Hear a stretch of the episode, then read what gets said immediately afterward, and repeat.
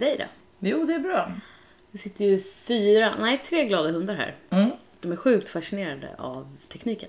Ja, Eller mest godiset. ja, precis. De har ju fått pannkaksfrukost de också. De är jätteglada. Mm. Ja, det är en fin dag. Härligt. Du- Igår haglade det ju typ Ja, igen. ska du rida hästarna ute? Ja, jag tänkte nog det. Om du är här så kanske du kan filma lite också. Det gör ju allting. Ja, mycket roligare. Ja. Vilka hade du tänkt rida då? Idag ska jag rida Kopper, Ossi, Tesla, Faithful. Ja? Mm. Kul. Firren. Fyra. Så han rids nu in i det sista innan han åker till eh, hingststationen. Precis, sen får jag väl åka dit och rida. Eh, Det tar ju bara två timmar. Det låter Det får som... vara någon kvällsaktivitet. Ja, det låter Några som... gånger i veckan. Nej men vi kan ju ta hem honom över helgerna ibland också om vi Okej. vill. Men eh, nu har jag bestämt att fokusera på det här att han ska få vara hingst. Så då får ju ridningen komma i andra hand. Han kan ju egentligen allting han ska kunna just nu. Så Ja, är, och han kan väl liksom vila lite nu. ja och det är, ju, det är ju inte något jättetävlingsår direkt heller. Så att man Nej. kanske kan välja att fokusera på det här med hingsteriet nu. Mm. Hur gick det till? För att efter att han blev eh, godkänd så var, man ju, så var han ju tvungen att göra massa olika typer av tester. Ja, eh, eller det är inte massa olika typer av tester. Det är, jag tror att de tar något prov på snoppen och så tar de olika blodprover. Ehm, Och det är för att se att de eh, är bra i aveln. Eller liksom... Nej, men jag tror att det här skickas ju in till SVA så det är nog Jordbruksverkets regler att, eh, ja, att de måste uppfylla vissa kriterier liksom, för att kunna få verka i avel i Sverige. Mm. Har du fått svar på dem? Det Så allt såg jag. bra ut? Mm. Spännande. Sen ska jag ju lära sig hoppa på bock och fatta hela den grejen Ja. så det blir också spännande att se. Men det gör väl de på stationen? Ja, Ja. Då blir det väl skönt att kunna överlåta det ansvaret till någon annan. Ja, och sen är det ju så att hans pappa, For Romance, var ju väldigt, eller är väldigt fertil. Ja. Så att de, de flesta stona eh, liksom tar sig väldigt bra då med For Romance. Och då kan man ju hoppas att det är nedärvt också. Så att han är väldigt fertil. Ja men så var det när jag gjorde ET. Dels så vill man ju helst att det ska vara färsk semin för att fryst gör det ju svårare. Eh, och då valde jag ju cabochon och en av anledningarna till det var ju också att han tar sig nästan alltid. Alltså att de ju är olika fertila. Och det tänker man kanske inte alltid på. Nej.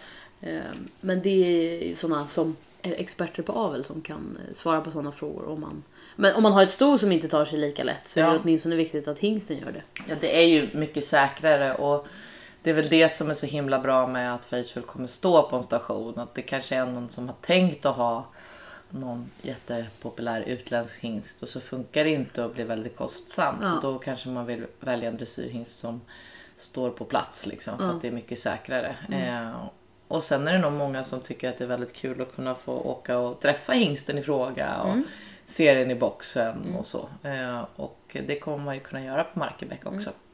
Den 13 maj ska jag ha lite visning där. Spännande. Ja. Eh, alltså då får man åka dit och titta. Mm. Men hon har fler hingstar där. Ja, det är ju Canterbury också som står där på plats. Och det är Eh, hoppsidan då. ja. istället. Ja. mm, som har varit en väldigt populär hingst. Spännande. De eh, har ju också For Romance.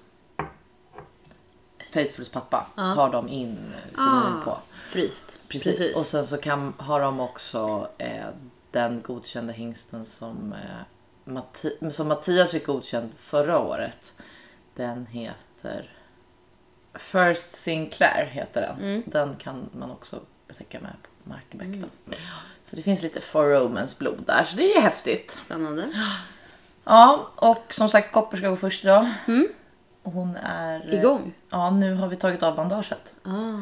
gjorde jag i förrgår och eh, Du måste ta bild på det så att vi får... ja, benet är ju inte alls lika svullet längre men det har ju svullnat upp några gånger när jag har tagit av bandaget. Ja. Men nu har jag tagit av bandaget och nu har det inte svullnat upp. Så nu, alltså jag lindar ju när jag rider och hon har skydd i hagen precis som vanligt och sen linda på natten då. Mm. Men eh, vanliga lindor och paddar.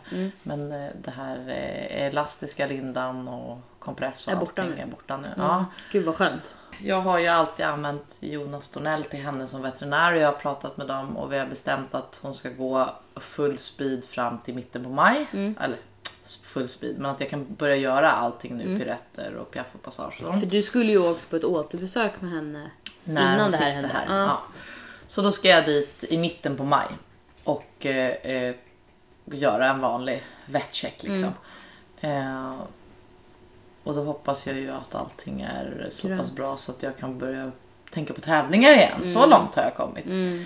Men jag håller ju på att leka lite. Jag, gjorde, jag vet inte om alla vet vad eh, saxen är i, i Grand Prix. Men det är ju eh, en galoppsax. Mm. Och det som är annorlunda i den galoppsaxen i Grand Prix det är att man räknar antalet steg. Mm. Eh, och jag tror inte att man förstår när man ser den, för den ser ganska följsam ut. Mm. Men det är mycket svårare att rida saxen, tycker jag i alla fall, än att rida galoppombytesserier. Mm. För att du ska... Det är också väldigt konstigt. Det här är ju någonting som alla säger. Det står i, i instruktionen när man läser protokollet eller programmet Ja. så står det att det ska vara tre steg, sex steg, sex steg, sex steg, Tre. tre steg. Ja. Men då säger alla så här, nej, man räknar fem. Aha. För att, för att bytet är ett steg. Nej, men första och sista kan man göra fem. Jaha. Ja, jag vet. För att då är det, det är inget start och inget slut. Typ. Okej. Alltså säger vem? Ja, Alltså vem är det som påstår att man kan göra så? ja, alla. Okej. Så att om, och om man gör så så får man liksom inte avdrag? Nej, de kan bli fler. De första och sista. Färre? Ja, Ja. fler. Tre kan man göra som fem. Aha. Men gör, räknar du fel i de andra? Sex, sex, sex. Jag fattar. Nu hänger jag med. Ja. Mm. Har du provat det här i, i praktiken? Ja, ja, men alltså så gör ju alla. Ja. Jag måste räkna på, vi måste fråga Johanna om det här också. Varför man kan göra så. Jag måste titta på programmet. Men, men skitsamma. Det är i alla fall det är de här sex stegen som Ja. är svåra. Ja. När man gör slutan till höger sex steg, när man gör slutan till vänster sex steg och när man gör slutan till höger igen sex steg. Ja. Det är de sex som är jättesvåra att räkna. Och räknar du fel där då, då blir det ju en fyra och det är dubbelkoefficient på den här rörelsen. Sen ska ju dessutom hästen ställd och böjd i, i slutena. Mm. Ehm, och jag och Briman var ju aldrig bra på det här. Och det är ju för att han har så stor galopp och han, han gjorde stora byten. Jag tänkte och... säga det beror ju på lite vad man har för häst om man ska få plats gud det var det hemskt att göra den där. Ehm, och nu tänkte jag men nu provar jag att göra den på kopper. Ja. Och det var superenkelt. Så Jaha. första gången jag provade det på henne blev det jättebra. Och det Wow. var ju sjukt häftigt. Så hon kanske är en, en, en häst som kommer få dig att älska den övningen. Ja, kanske. Även fast den är svår. Eh, vi får ju se hur det blir eh, på tävling. Ja. Ja, shit vad spännande. Nej, jag... eh, Också det där med att bytet ju verkligen ska komma på rätt plats. Så att hästen ska fatta. För att är du en byteserie så, så byter ju efter vartannat. Eller vad säger man? Ja. Alltså man byter ju liksom längs med en linje. Och då fattar ju hästen vad som är på gång. Men just i saxen så är det ju så många andra moment också som du säger. Att det är ställning och sluta. Alltså oj, här var det ett byte. Och så andra hållet. Att den är inte lika naturlig. Nej, den är, den är verkligen inte naturlig. Nej, och när man läser så här. Vänd rätt upp. Sluta till höger och vänster om medellinjen fem gånger. Galoppombyte i språnget. Varje ombyte avsluta. Första och sista gången tre språng åt vänster. Det övriga sex språng. Galoppombyte i språnget. Titta på Daniel Bachmann, eh, Katrin Dufour, alla. Så gör de inte... Alltså det första kan man ju inte räkna för det är inte ett galoppombyte först. Så där kan man ju tänka sig att det blir tre språng. Ja. Men den sista slutan kan man ju räkna för där är det ju ett byte på slutet. Mm. Och där gör ingen tre språng heller utan där gör de fler språng. Mm. Och jag vet inte vem det är som har... Det här måste vi fråga någon som... Men är det inte för att du rider upp på medellinjen? Alltså, när du gör saxen så börjar man alltid på medellinjen Mm. och vänder upp.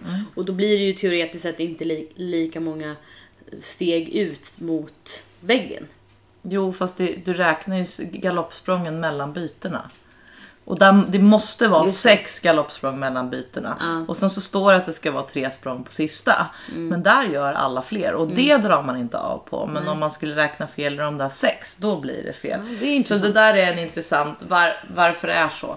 Jag vet inte om det är något så uttalt att, att det får vara så. Men så är det. Men då liksom. borde ju det stå så att folk som inte... Ja, jo, den där är väldigt intressant. För att det där har jag hakat upp mig på i många år. Men det, vi kan fråga någon som Ja, vet. det.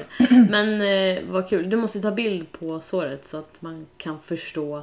Skillnaden. Ja, för ja. Att du, jag tror att du har lagt upp en bild på hur det såg ut när det var som typ värst. Eller liksom för länge sedan. Ja, Och då, det är svårt att föreställa sig. ja, Hon, eh, hon känns glad och fräsch igen. ja. Så skönt. Mm, det är superkul.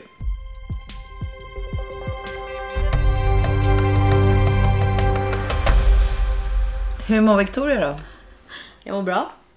Jag har ridit lite mer på senaste tiden, vilket är väldigt kul. Eh, alltså upplägget på K1 är ju oftast på helgerna, men man får ju även rida på vardagen om de behöver hjälp där. Mm.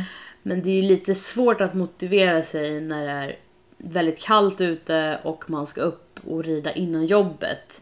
Och halka fram på sin cykel med typ ridhjälmen på ända när det är kallt och ruggigt. Ja, Eh, Men nu när det är ljusare och varmare och all, alltså, man blir ju så mycket mer motiverad. Det är ju verkligen det. Så då, då har jag inga problem att, att rida innan jobbet på veckodagarna. Alltså om man får möjlighet till det. Eller liksom, jag känner att jag gärna gör det.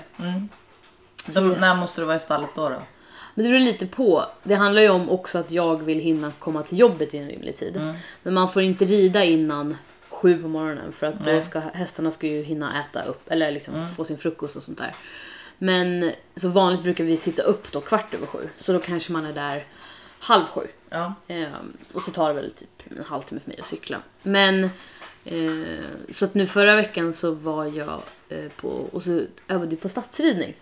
Och då samlar vi ihop ett större gäng så att man kan rida flera personer tillsammans. För att det är det hästarna behöver träna på, att liksom rida i, i grupp. Eller vad man ska säga.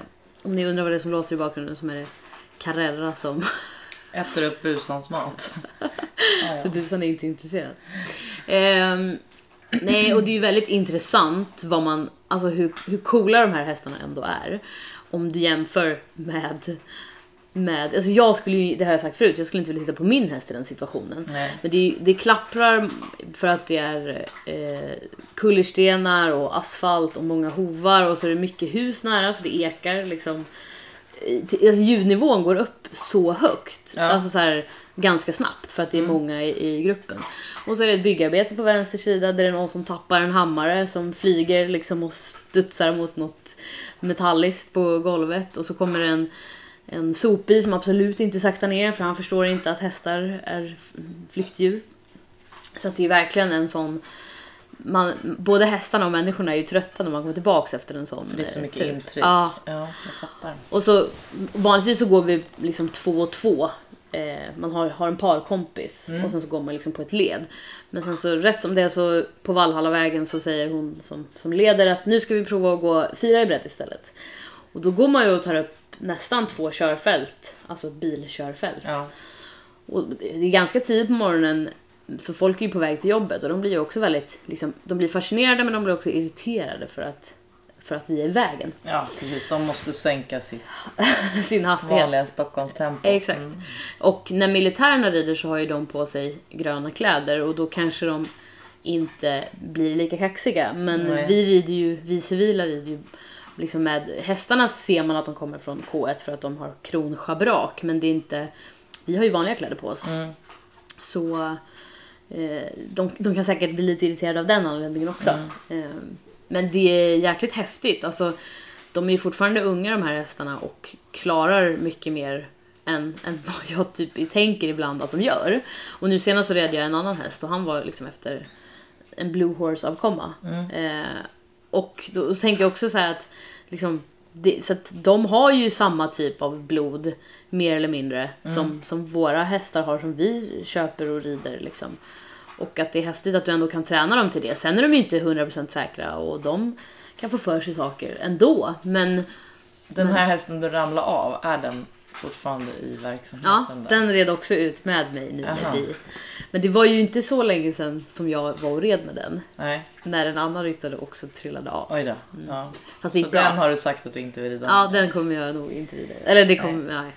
Men den, och den har, det är, alltså det är nästan alla som har åkt av den nu. Alltså det har verkligen blivit en snackis. Mm. Liksom, att han är den som är värst. För det är inte så många avramlingar ändå. Utan den här kullen som vi hade då förra året och det här året har ändå varit väldigt bra. Liksom. De har varit snällare än vanligt. Så att, eh, ja, nej men den här, den här hästen jag trillade av, han är inte, han är inte på topplistan. Nej. Men det är också häftigt tycker jag att, att se hur de utvecklas. Att, så här, de, att vi ändå, från att det var att alla åkte av till att det kanske inte är lika ofta längre. Jag Men menar den de du red sist nu, den har någon också åkt av? Eller vadå? Den som, nej jag tror ingen har trillat av honom. Nej. Nej men han är, alltså så här, om man jämför allting med den som eh, den som jag rider som heter Gerhard och som är en sån altkladrub så är ju han som Ior. Eh, så att honom tror jag är fysiskt omöjligt att trilla av. Så att med det sagt så den liksom jag tror att alla hästar upplevs som lite, ja, men det är också lite roligare att rida en häst som det händer lite mer på. Ja. Nej, jag är glad att jag har min Ior. Eh, nu har också Shire-hästen kommit tillbaks till, till K1. De har ju en gigantisk svart Shire-häst som, som är pukhäst. Men han är inte så, liksom, det finns inte så mycket för honom att göra under vinterhalvåret. Så då åker Nej. han liksom iväg. Men nu är han tillbaks. Och de börjar ändå öva lite nu. Jag, hopp- jag tror att det kanske kommer komma igång det här med, med vaktparaderna igen så småningom. Eller man kan Kul. hoppas det.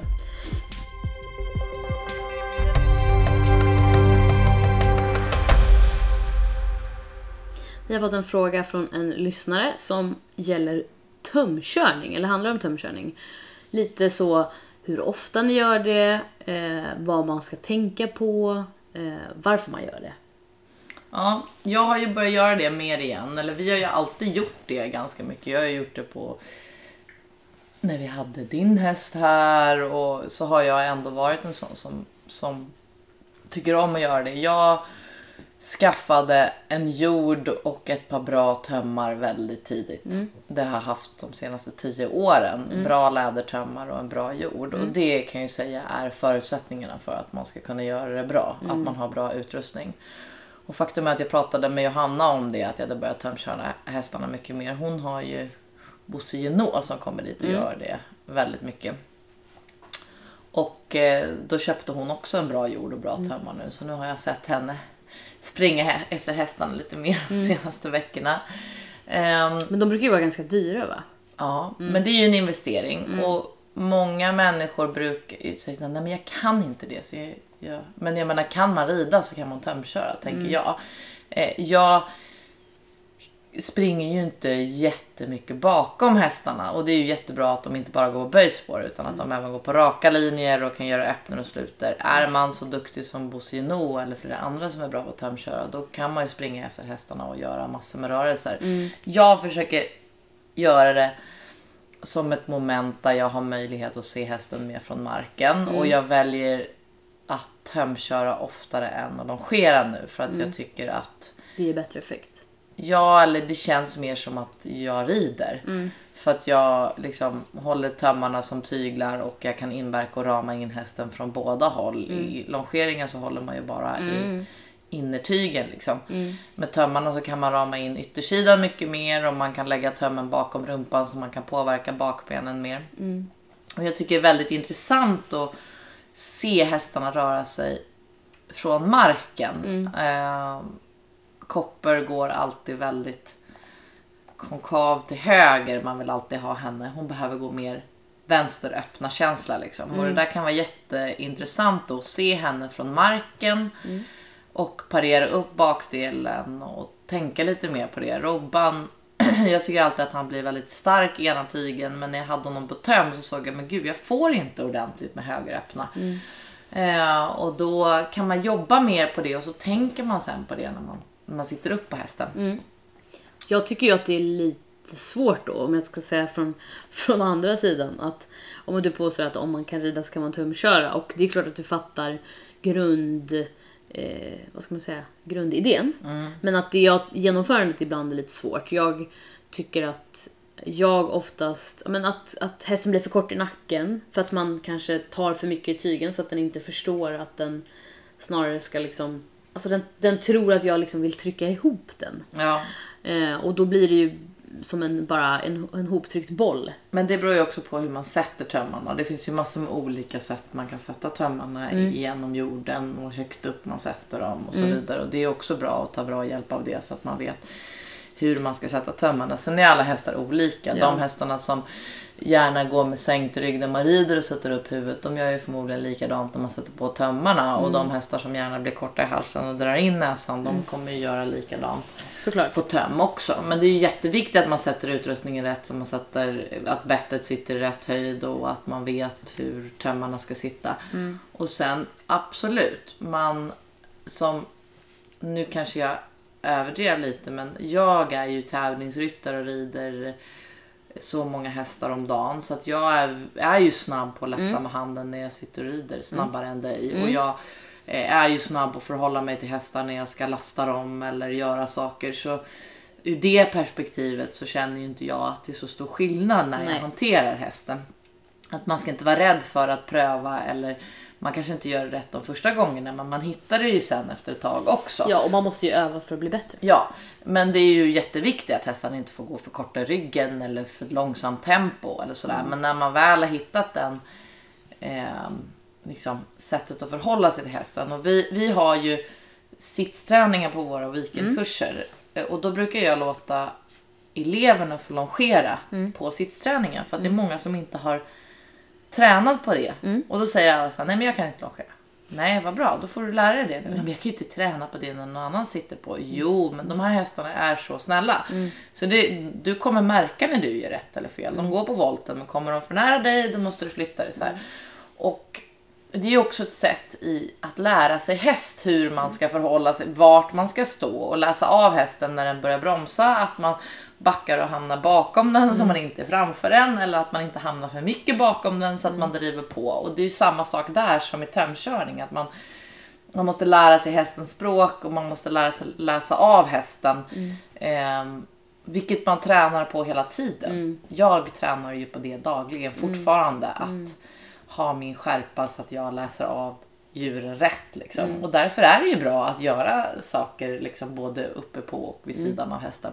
Nej, men också så nyttigt och som vi har pratat om förut, att det är nyttigt att se sin häst från marken. Ja. Så att, för då ser du någonting och så kanske du kan koppla ihop det sambandet till känslan när du sitter på. Ja. Och att man får en större förståelse då. Så ska man ju tänka väldigt ridmässigt tycker jag när man tömkör. Det är ju jättebra att ha ett syfte. Så här, ah, men nu har jag lite svårt att få hästen att samla sig i piretterna. Så nu tar jag den på töm idag och så försöker jag samla galoppen. Ja, det är ju jättebra. Men man får liksom inte ha för bråttom till målet. Utan det ska ju fortfarande vara så att man värmer upp och man, eh, om den har lite, är lite stark på vänstertygen så ska man ju ta igenom det på töm innan man eh, liksom börjar piruettgaloppen. Och sen att man gör tempoväxlingar eller övergångar även när man tömkör, precis som när man red. Man ska inte bara låta hästen jogga fram 10 minuter och så sätta in den på en kort liten volt och träna piruettgalopp. Utan man får ju ha samma upplägg som om man red vanligt. Eh, och då, då kanske man ser saker. Om man gör tio övergångar mellan skritt och galopp på töm, då kanske man ser saker när man ska gå ner till piruettgaloppen sen. Eh, och sen tycker jag det är klart att det är lättare att tömköra inne i ridhuset där man har fyra väggar. På våra utebanor har vi bara slipers. Och när man inte sitter på så är det svårare att styra Ja. och man ska byta varv och så vidare. Ja. Men eh, det, jag tycker att det är jättebra och jag tycker att det är jättebra att ha mycket hjälp. Jag önskar att vi hade en sån som Bosse Nå som kunde komma hit också och göra det som... Har du tränat det någon gång? Eller? Ja, vi har haft eh, instruktörer som har varit här. Eh, och framförallt när jag var yngre så hade vi såna som kom och, och tömkörde så att jag liksom lärde mig då. då. Eh, och Ubbe tömkör ju också eh, ganska mycket. Piaff-Ubbe. Eh, Piaff-Ubbe ja, så att honom kan man också ta lite tömkörningsknep av om man vill. Men det finns ju mycket kurser. Alltså, jag vet inte, jag tycker jag säger det en gång i veckan minst att folk ska kolla på Youtube. Men nu för tiden kan man ju lära sig så mycket genom att titta på nätet på saker och ting. Så att, eh, det finns mycket kurser man kan gå där eller eh, ja, lära sig av hur man ska tänka med tömkörning. Jag tycker att det är lite svårt ibland med tömmarna. Alltså att det känns som att det blir så mycket att hålla i. Alltså, Ja. De är lite bredare, de är väldigt långa. Ja. Att man trasslar in sig Och lätt. det är ju jättefarligt. Det Ja. finns ju jättemånga allvarliga och dödsolyckor när folk har trasslat in sig i hästar både vid longering och tömmar. Man ska verkligen vara noga med det.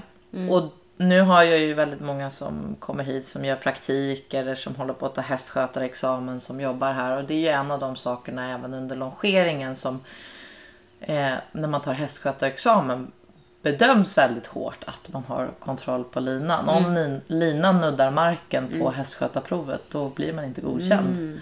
För att man måste ha så bra koll på linan. För det är en Det tycker jag är rimligt. Ja. Så man måste vara, man, det är klart att man måste ha koll på det. Och, och då, jag sa faktiskt till en av mina tjejer som jobbade i stallet som höll på att träna på det här att man kan ju om man slänger ut en longerlina på, på stallgången och sen ska snurra upp den fort. För det är ju det man ska göra även när man tar in den när man går till hästen. Så kan man ju träna på det på en longerlina som inte sitter fast i en häst. Att hantera en lina bara är ju, är ju ett sätt att, att träna på. Det finns ju många sätt. Man får väl, man kan tömköra en eh, sadelbock eller något. när Nej, man men- hittar Nej knapparna. men framförallt kanske man kan låna en mindre häst i stallet och tömköra. Alltså så här, Mm. Ja. Eller någon som är väldigt snäll och rutinerad. Ja. Kanske innan man gör det. På... Man kanske inte ska börja med en het sexåring Nej. Eh, när man börjar tömköra. Eh, och eh, jag tycker ju också att det är väldigt bra att tömköra bettlöst. Mm. Nu är det ju så att den kapsonen jag har, vet alla vad en kapson är? Det är ju alltså eh, typ som en, en tränsgrimma med ringar på, på På nos, nosgrimman. Ja. Ja. Eh, den kapsonen jag har har lite små ringar så att jag har svårt att sätta tömmarna genom ringarna. Ja. Eh, men då har jag gjort en egen habravink. Men det är skitbra. Mm. Ehm, och det är ju jättebra att tömköra hästen då bettlös. Man kan göra typ en, en grim-variant också. Liksom. Eh, men det är ju jättebra att få hästen att gå i form utan att man drar den i munnen. Och framförallt om det är hästar som ah, gapar eller lägger eh, käken lite på sned eller n- någonting sånt så kan man ju ta hjälp då av att få dem lösgjorda och komma upp med ryggen och arbeta rätt utan att man drar dem i munnen. Det känns som någonting som jag hade när jag var liten. Alltså En kapson, yngre. Ja, ja. Men som att den kanske har försvunnit lite. Ja, nej men jag använder kapson jättemycket. När jag longerar Ossi, då har jag den här repinspänningen. Ja. Och det är ju som en inspänning som man sätter över ryggen mellan frambenen. Ja. Och då sätter jag alltid på kapsonen. Eh, och han är ju häftig för han löddrar ju som om det var ett bett i munnen så att det rinner skum liksom fast han bara har kapsonen på sig. Och den är ju väldigt bra att ha då också i kombination till den, den inspänningen, alltså repet. För Ja. att sätter man den i, i bettet så dras ju liksom munnen neråt på hästen istället. Undrar om det fortfarande liksom, alltså går att köpa för den kapsonen jag har är ju ganska gammal. Men det Men måste den är ju ju, fortfarande... den är ju läder och fin. Ja. Alltså, Jo så, då, men det finns eh, Horse och eh, Svensk ridsport. alltså i läder eller neopren? Nej, läder här. Ja, okej. Mm. eh, finns det massa olika kapsonvarianter. Mm. Eh, men jag skulle rekommendera en med lite större ringar. Här hittade jag Just en det. nu som hade lite större ringar. Eh, den som var på Svensk ridsport här har ju väldigt bra ringar. Ja. Där tror jag mina tömmar går igenom också. För det kanske också betyder att dina tömmar är lite tjockare. Men, Ja, det är väl, precis. men det är väl också skönt att ha det och inte ha för smala. För Ja. då skär de ju antar jag in istället. Nej men jag tycker ju det är bra att göra varierande arbete med hästarna såklart. Och nu har jag också känt så här. Om jag har åtta hästar att rida ändå så är det svårt att, att hålla fokus kanske på alla åtta hästarna. Och de behöver göra varierat arbete. Och sen att det är jag som ändå gör någonting med den sjunde eller åttonde hästen. Så då har jag försökt nu lägga in så att eh, kanske inte alla dagar i veckan men några dagar. Så sista hästen tar jag på töm istället. Eh, så att jag får se den från marken. Och Ossi, Faithful, Robban, Tesla tar det här jättebra. Eh, att de får göra det några dagar i, i veckan.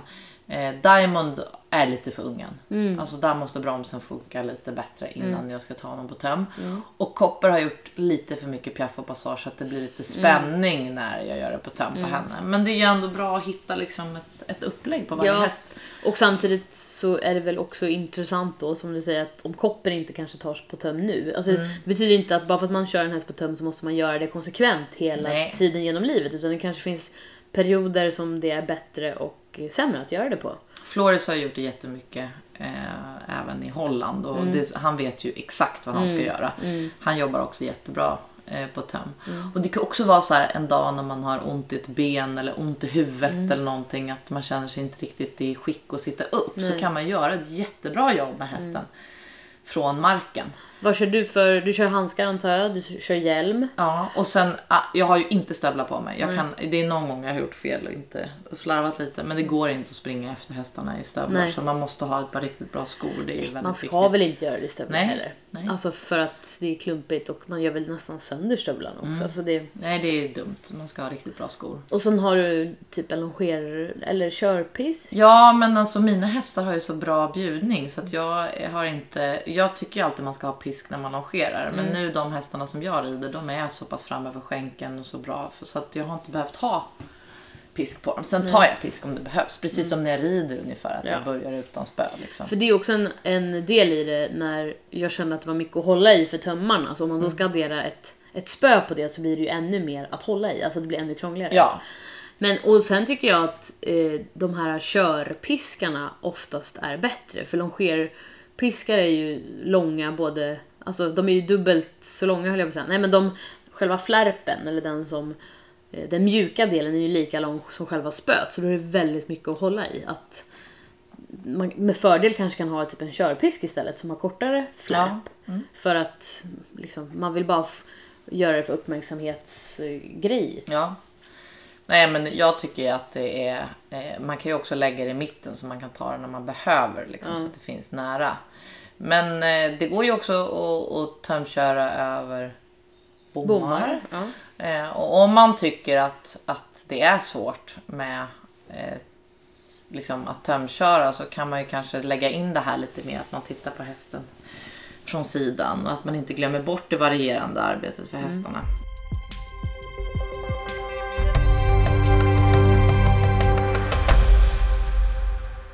Vi har ju varit i veckan och tränat med Benicio och Diamond. Ja. Eller vi, jag har varit hos Anna i veckan och tränat med Benicio och Diamond. Och då eh, tränade vi dem för hand. Ja. Eftersom att det ska göras på tre och fyraårstestet nu. Just det, Eh, det är inte långt kvar va? Nej. Eh, Så Anna sprang med dem för hand och ställde upp dem och sen så löshoppade vi dem. Diamond har gjort det förut. Benicio kommer få en snabbutbildning även i löshoppning men som tur var så tog han ju det superbra som den stjärna han är. Så att eh, eh, Benicio kommer ju behöva några gånger till innan vi ska iväg och visa. Men det är ju jättekul att se hästarna i en annan miljö och eh, släppa lös dem och, och sen så jobba med dem liksom från marken även under löshoppningen. Och sen red jag faktiskt Diamond på utebanan där ehm, på Stjärnbro. Och ehm, han var jättefin så jag, Diamond och Copper har nog fått veckans guldstjärnor tror jag. Ja men det är ju, jag vet att när, när min häst var tre så åkte jag också till Stjärnbro Mm. och, och gjorde allt det här. Och förutom att det är bra med miljöträning så är det också så här, det är ju rätt smidigt att komma till ett ställe som har liksom ännu bättre förutsättningar rent liksom hoppmässigt och Ja. alltså så här att man måste ju ändå sladda ridhuset efter man har gjort det för att de brukar riva upp det. Att det är så här, då är det ganska, det är på många sätt skönt då att åka iväg till ett ställe som, som, som man kan göra det på. Ja, och allting står helt i ordning. Exakt. Liksom. Och nu har ju inte vi den största hinderparken heller så att det är ju jättebra med, med ett ställe som har lite mer utrustning för ändamålet. Eh, ja, så det är ju bra. Och jag fick tips av, William om en annan anläggning som också ofta har löshoppningsbana i ordningställd så kanske man ska försöka åka dit någon gång innan. Men apropå eh, unghetstesterna, hur går förberedelserna? Nu har, ni, nu har ni varit iväg, men känns de redo i form eller vad ska man säga? Ja, men jag kom på det nu, eller jag har ändrat lite foderstat på Benicio och sen så Benicio har ju gått med Briman hela vintern. men han har fått, eh, alltså Briman är rätt tuff. Eh, vad heter det? skolare. Mm. Vad, vad säger man? Lärare. Lärare. Eh, så att han har fått massa eh, småsår liksom för att de bits och busar i hagen. Så mm. Benicio har fått börja gå själv nu. Mm. Också för att han ska ledas själv. De hästarna som lite äldre och kurshästar och unghästar leder vi ibland ihop. Mm. Eh, men eh, nu ska han ledas själv för att han ska liksom vara lydig och ledas rätt. Mm. Och eh, jag pratade med Martina väldigt noga om det igår, hur vi hanterar honom nu. Så mm. att liksom varje dag, det här har vi sagt förut i podden, mm. men jag tycker att det är väldigt bra. Varje minut man är med hästen mm. är träning. Mm. Och att varje dag som han hanteras så är träning inför det här testet nu. Att alla i stallet shapar upp sig på det. Eh, för vi är ju väldigt noga med tävlingshästarna eh, och sen så kanske man tappar lite. Det är ibland lätt att någon glömmer att kasta någon bakhov på en mm. häst som tycker den är jobbig att lyfta och sådär. Men mm. det där märker man ju och sen får man eh, lägga lite mer krut på vissa saker. Och nu mm. ska det ju vara fokus på, på det är ju fokus på alla tävlingshästar men nu börjar Såklart. ju Benicio få lite rang då. Mm. Så nu måste vi, måste vi skärpa till oss lite med mm. honom. Att man verkligen tänker på det, att det är träning och leda in och ut honom från hagen också. Mm. Hur långt är det kvar?